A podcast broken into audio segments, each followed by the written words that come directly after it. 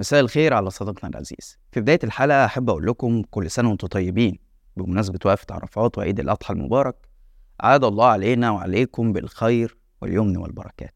يوم 14 يونيو اللي فات استيقظ العالم على خبر مفزع وهو غرق مركب يحمل أكثر من 700 مهاجر قبالة الساحل الغربي لليونان. وكان غالبيتهم مصريين وسوريين وباكستانيين وجنسيات تانية كتير. في رحلة بدأت من ليبيا وكانت المفروض إنها تنتهي في إيطاليا. اليونان بتواجه اتهامات بتعمد إغراق المركب قبالة سواحلها بعد ما الناجين واللي عددهم 104 شخص بس قالوا إن غفر السواحل اليوناني شد المركب بحبل وبعد كده قطعوه عشان يتقلب في وسط البحر. مش بس كده كمان قوارب الإنقاذ اليونانية فضلت تلف حوالين الناس اللي بتغرق وعملوا موجات حوالين اللاجئين اللي في عرض البحر عشان محدش فيهم يقدر ينجو. وطبعا الناس اللي نجت بأعجوبة من الحادث الأمن اليوناني اتعامل معاهم معاملة سيئة وتباطأ في تقديم الأكل والشرب ليهم. ورغم نفي أثينا الاتهامات دي إلا أن سمعتها السيئة في ملف المهاجرين خصوصا اللي بيهربوا من تركيا واللي اليونان بتتخذ دايما إجراءات وتأمينات لمنع وصولهم ومعاملتها السيئة للاجئين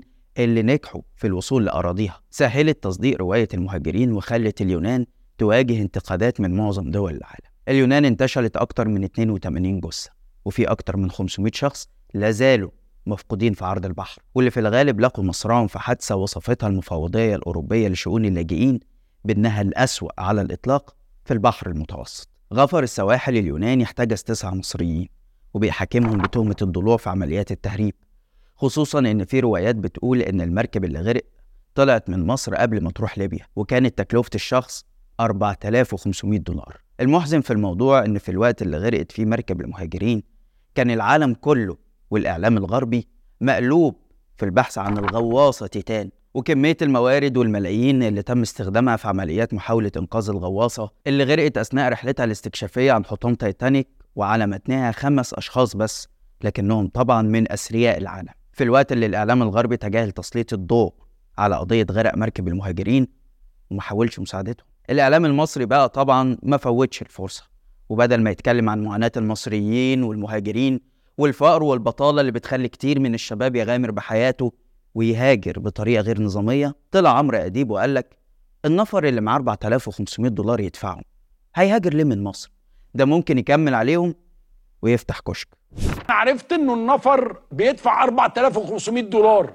طب ما أنت لو معاك 4500 دولار هنا في مصر يعني حياتك برضو تقدر تعمل بيهم حاجة يعني يعني اقصد يعني اللي يلم 4500 دولار ده ممكن يعني يلم فوقيهم شوية ويبتدي حاجة شغلانة كشك يشتغل في مصنع. يعني ممكن يعني 4500 دولار رقم كبير برضو في الحقيقة صديقي إن السيسي استغل أزمة المهاجرين دي أسوأ استغلال وقدر يساوم بيها أوروبا علشان ياخد منهم دعم سياسي والأهم طبعا هو الدعم المادي وعندك مثال على ده في أكتوبر 2022 بعد ما السيسي اتفق مع الاتحاد الأوروبي على وقف موجات الهجرة غير النظامية. نظير دعم مالي يقدر بنحو 80 مليون يورو. وطبعا مفيش مناسبة بيفوتها السيسي إلا ويطلع ويتكلم عن اللاجئين اللي موجودين في مصر واللي بيقدرهم ب 9 مليون لاجئ. وإزاي السيسي منعهم من الهجرة لأوروبا؟ وبعد حادث غرق مركب المهاجرين في اليونان استغل السيسي الحدث خلال زيارته لفرنسا وحضوره لقمة باريس. وبعد ما كان بيتفاخر إن مفيش مركب هجرة طلع من مصر من 2014 غير رأيه. وطلع يشحت وقال لهم إن شعوب أفريقيا لو ما لقيتش الأمل هتيجي تدور عندكم. طب ليه السيسي غير سياسته مع أوروبا وبيبتزون بموضوع اللاجئين ده؟ وهل ديون مصر ليها علاقة بكلام السيسي؟ ده اللي هنعرفه معاكم في حلقة النهاردة. بس قبل ما نبدأ ما تنساش تعمل اشتراك وتدعمنا بالانتساب في القناة. أنا عبد الرحمن عمر وده برنامج الحكاية.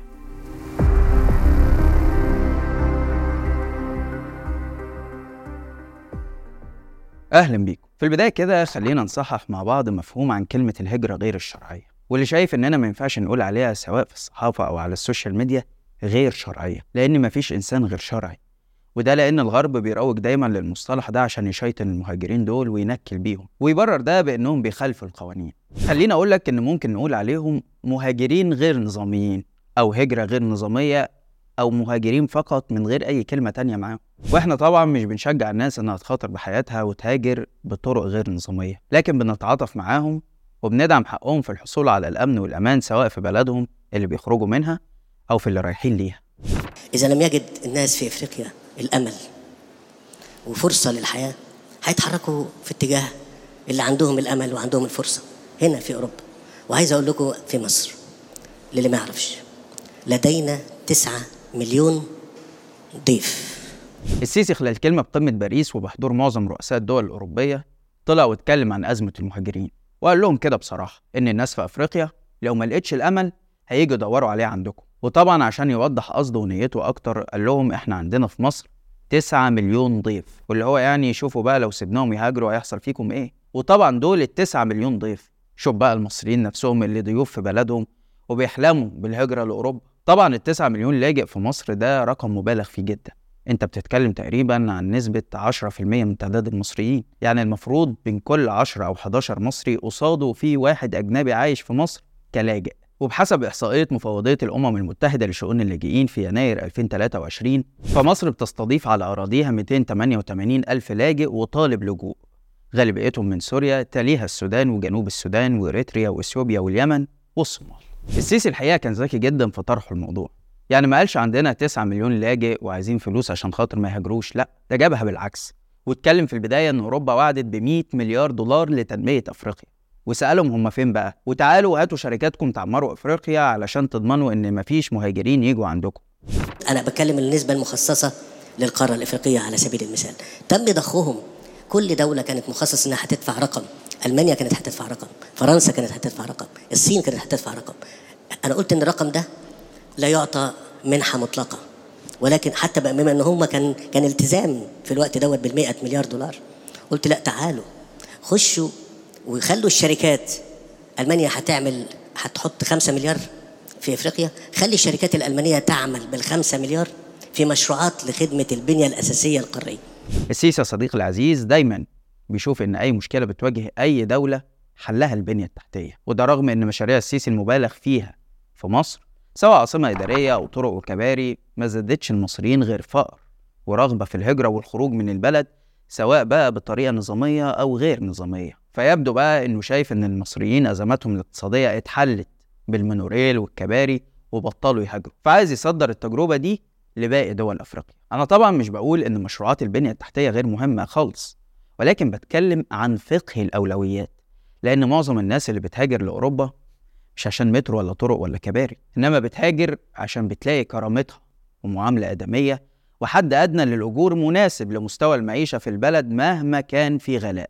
الحقيقة إن السيسي دايما بيخلي مصر في موضع الذل والشحاتة والضعف قصاد باقي دول العالم ودايما يطلع يتكلم عن فقر مصر وتخلفها ومعاناتها عشان يشحت كام مليون من أي دولة أوروبية أو خليجية. وده من أول يوم وصل فيه للسلطة اللي كان برنامجه معتمد فيه على المنح والمساعدات الخليجية. بعد ما قلت البيان بتاع 3 7 ده فقالوا آه الشيخ محمد بن زايد جاي يزور مصر. كان ساعتها الناس بتقف أنا بفكر كله بفكر الناس اللي في مصر قبل وأفكر نفسي وأفكر الناس اللي هنا يعني. كانت بتقف الناس طوابير على محطات الوقود مفيش. البوتاجاز مفيش. سولار وبنزين مفيش. أيوه أنا طب أنت ما تكسفش إنك تقول كده؟ ليه بتكسف ليه؟ السيسي اللي متعود دايما يغير وعوده وكلامه مع الشعب عمل نفس السياسة مع أوروبا وده بعد ما كان بيطلع يتفاخر من سنتين إن مفيش مركب هجرة واحد خرج من مصر. وكان بيصدر نفسه للأوروبيين بإنه حارس البحر المتوسط من المهاجرين سواء مصريين أو من جنسيات تانية. غير كلامه في قمة باريس وبقى شايف إن الناس اللي بتهاجر لأوروبا بطريقة غير نظامية بيدوروا على الأمل ومعاهم حق. ولازم أوروبا تساعد الدول الأفريقية بمليارات الدولارات عشان خاطر يمنعوا الهجرة. صحيح في مصر لم تخرج مركب هجرة غير شرعية بس أنا عايز أقول نقطة مهمة.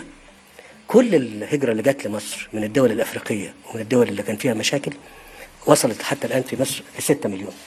6 مليون مواطن ومواطنة من افريقيا ومن دول أخرى حصل فيها عدم استقرار. السيسي نجح فعلا في تقليص أعداد المهاجرين واللي بيتطابق مع أرقام وكالة حرس الحدود الأوروبية اللي أشارت لانخفاض عدد المهاجرين غير النظاميين من مصر بنسبة 60% في 2017 وطبعا ده ما كانش ببلاش بعد ما خد دعم ب 80 مليون يورو عشان يعمل ده. طب ليه السيسي غير كلامه ووعوده مع الغرب وعايز يوصل لإيه؟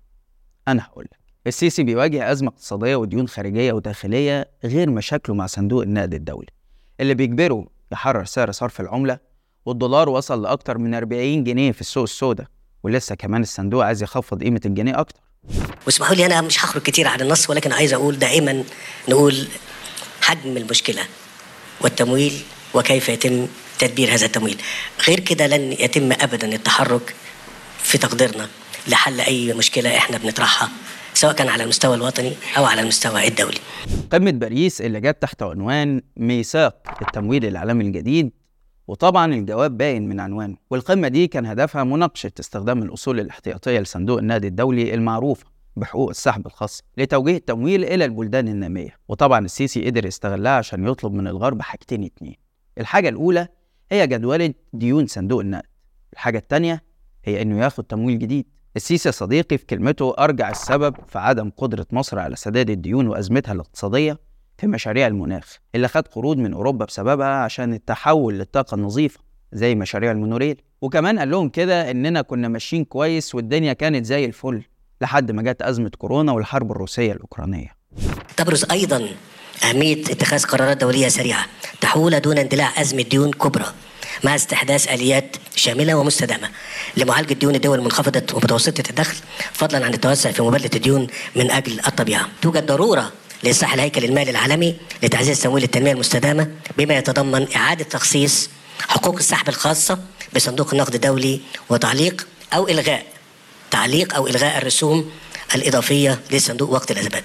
السيسي كان مركز وموجه محور كلامه كله حوالين الإقراض وتمويل الدول النامية يعني حاجة كده شحات علني لدرجة إنه ممكن يكون قال كلمة تمويل في كلمته في المؤتمر أكتر من 20 مرة تقريبا. لكن للأسف حتى لو السيسي الغرب اداله قروض جديدة فهو فاشل في إدارتها وبطريقة مصر وتثقيلها بالديون اللي مش بتنتهي. وده لأن السيسي بيصرف القروض دي على الأصول الرئاسية وأكبر جامع وأتقل نجفة وأطول برج واللي طبعا تكلفتها مليارات الدولارات في بلد بتعاني من أزمة اقتصادية غير مسبوقة. في تاريخها الحديث. خلينا نرجع لأسلوب المساومة والمقابل المادي اللي دايما بيستخدمه السيسي في حكمه. من أول تسريب ليه لما كان وزير دفاع لما قال لو هتدفع هوريك اللي عمرك ما شفته. والأسلوب ده فضل مكمل معاه في الحكم واستخدمه على سبيل المثال مع الخليج اللي كان شايف إن عندهم فلوس زي الرز. فتعالى لي بقى يا خليج يا حبيبي مشكلتك إيه؟ الإسلام السياسي جيت في ملعبي. ادفع وأعمل لك انقلاب وأدخلهم لك السجون. وطبعا فضل قصة الحرب على الإرهاب دي لم من وراها مليارات من السعودية والإمارات لحد هم نفسهم ما زهقوا منه. هكذا الغرب. بتخاف من إيه؟ اللاجئين الوحشين اللي بيجولك من البحر. ادفع وأنا همنعهم يخرجوا من عندي وأبسطك مني على الآخر. لكن بقى لو بتطالبني بديون صندوق النقد وعايز تكلمني في القروض اللي أنت اديتاني لا خد بالك. الناس دي بتدور على أمل عندك. شوفها لهم بقى راحت فين. هتدفع؟ هتدفع؟ هوريك اللي ما شفتوش. مادام هتدفع. إنما ببلاش بلاش ده أنا ما أعرفش حاجة اسمها ببلاش. أنا بكلمكم بجد. الحاجة الملفتة للنظر كمان في حديث السيسي إنه دايما لما بيقعد مع قادة الدول سواء الخلايجة أو الغربيين تلاقيه دايما كده مقفل رجله ومكسوف وملتزم بالوقت المخصص ليه. لكن بقى لو الكلام موجه لشعبه فيقعد ظهره للناس ويزعق ويشخط ويهدد لدرجة إنه في فرنسا لما قابل رئيس الوزراء الإثيوبي أبي أحمد قابله بمصافحة حارة وابتسامة عريضة قد كده أهو وكأنه انتصر وحل أزمة سد النهضة. وده على رأي الشاعر أسد علي وفي الحروب نعامته خلاصة الموضوع يا صديقي العزيز إن السيسي ولا يهمه لاجئين ولا ناس بتموت في البحر وهي بتهاجر. بدليل إن عدد الناس اللي قتلها في عهده سواء في فض رابعة والنهضة أو بالإهمال الطبي في السجون يمكن تكون أكتر بكتير. ولكن زي ما قلنا هو بيجيد استغلال الأحداث وتسخيرها لخدمة مصالحه وأهدافه الشخصية. وده اللي أثبتته لنا السنين اللي فاتت خلال فترة حكمه. في نهاية الحلقة نحب نقدم كل التعازي في ضحايا المركب اللي غرقت في سواحل اليونان. ونسأل الله أن يلهم أهلهم الصبر والسلوان ونتمنى أننا نشوف بلدنا زي ما شبابها بيتمناها وأنهم يلاقوا فيها الأمل بدل ما يروحوا يدوروا عليه في بلاد غريبة ويفرقوا أهلهم وأحبابهم ويمكن كمان يفرقوا حياتهم. ونختم بأبيات للشاعر ماجد أمين بيقول فيها مهاجر من وطني يحملني الرحيل يقضي أحلامي بقايا ليلنا الطويل. أهرب كالطريد من حدود المستحيل أبحث عن خريطة دافئة عن وطن بديل. فربما يموت الحلم في الطريق وربما يمنعني الشرطي عند نقطة التدقيق وربما قضيتي تحال للتحقيق وربما تأخذني البحار في أمواجها غريق. هويتي؟ مهاجر. جنسيتي؟ بلا وطن. ومهنتي مسافر. مدينتي؟ كل المدن. على الضجيج صدفة وبعدها توقف الزمن. انقلب القارب ضاع الحلم ثم ضاع بعد ذلك الوطن. بس كده. لحد هنا والحلقة خلصت. شارك الحلقة لو عجبتك وتابع حساب شباك وحسابي على الانستجرام هتلاقي اللينك في الوصف. واستنانا كل يوم اثنين وجمعة الساعة 8 بالليل بتوقيت القاهرة في حلقة جديدة من برنامج إيه الحكاية. سلام.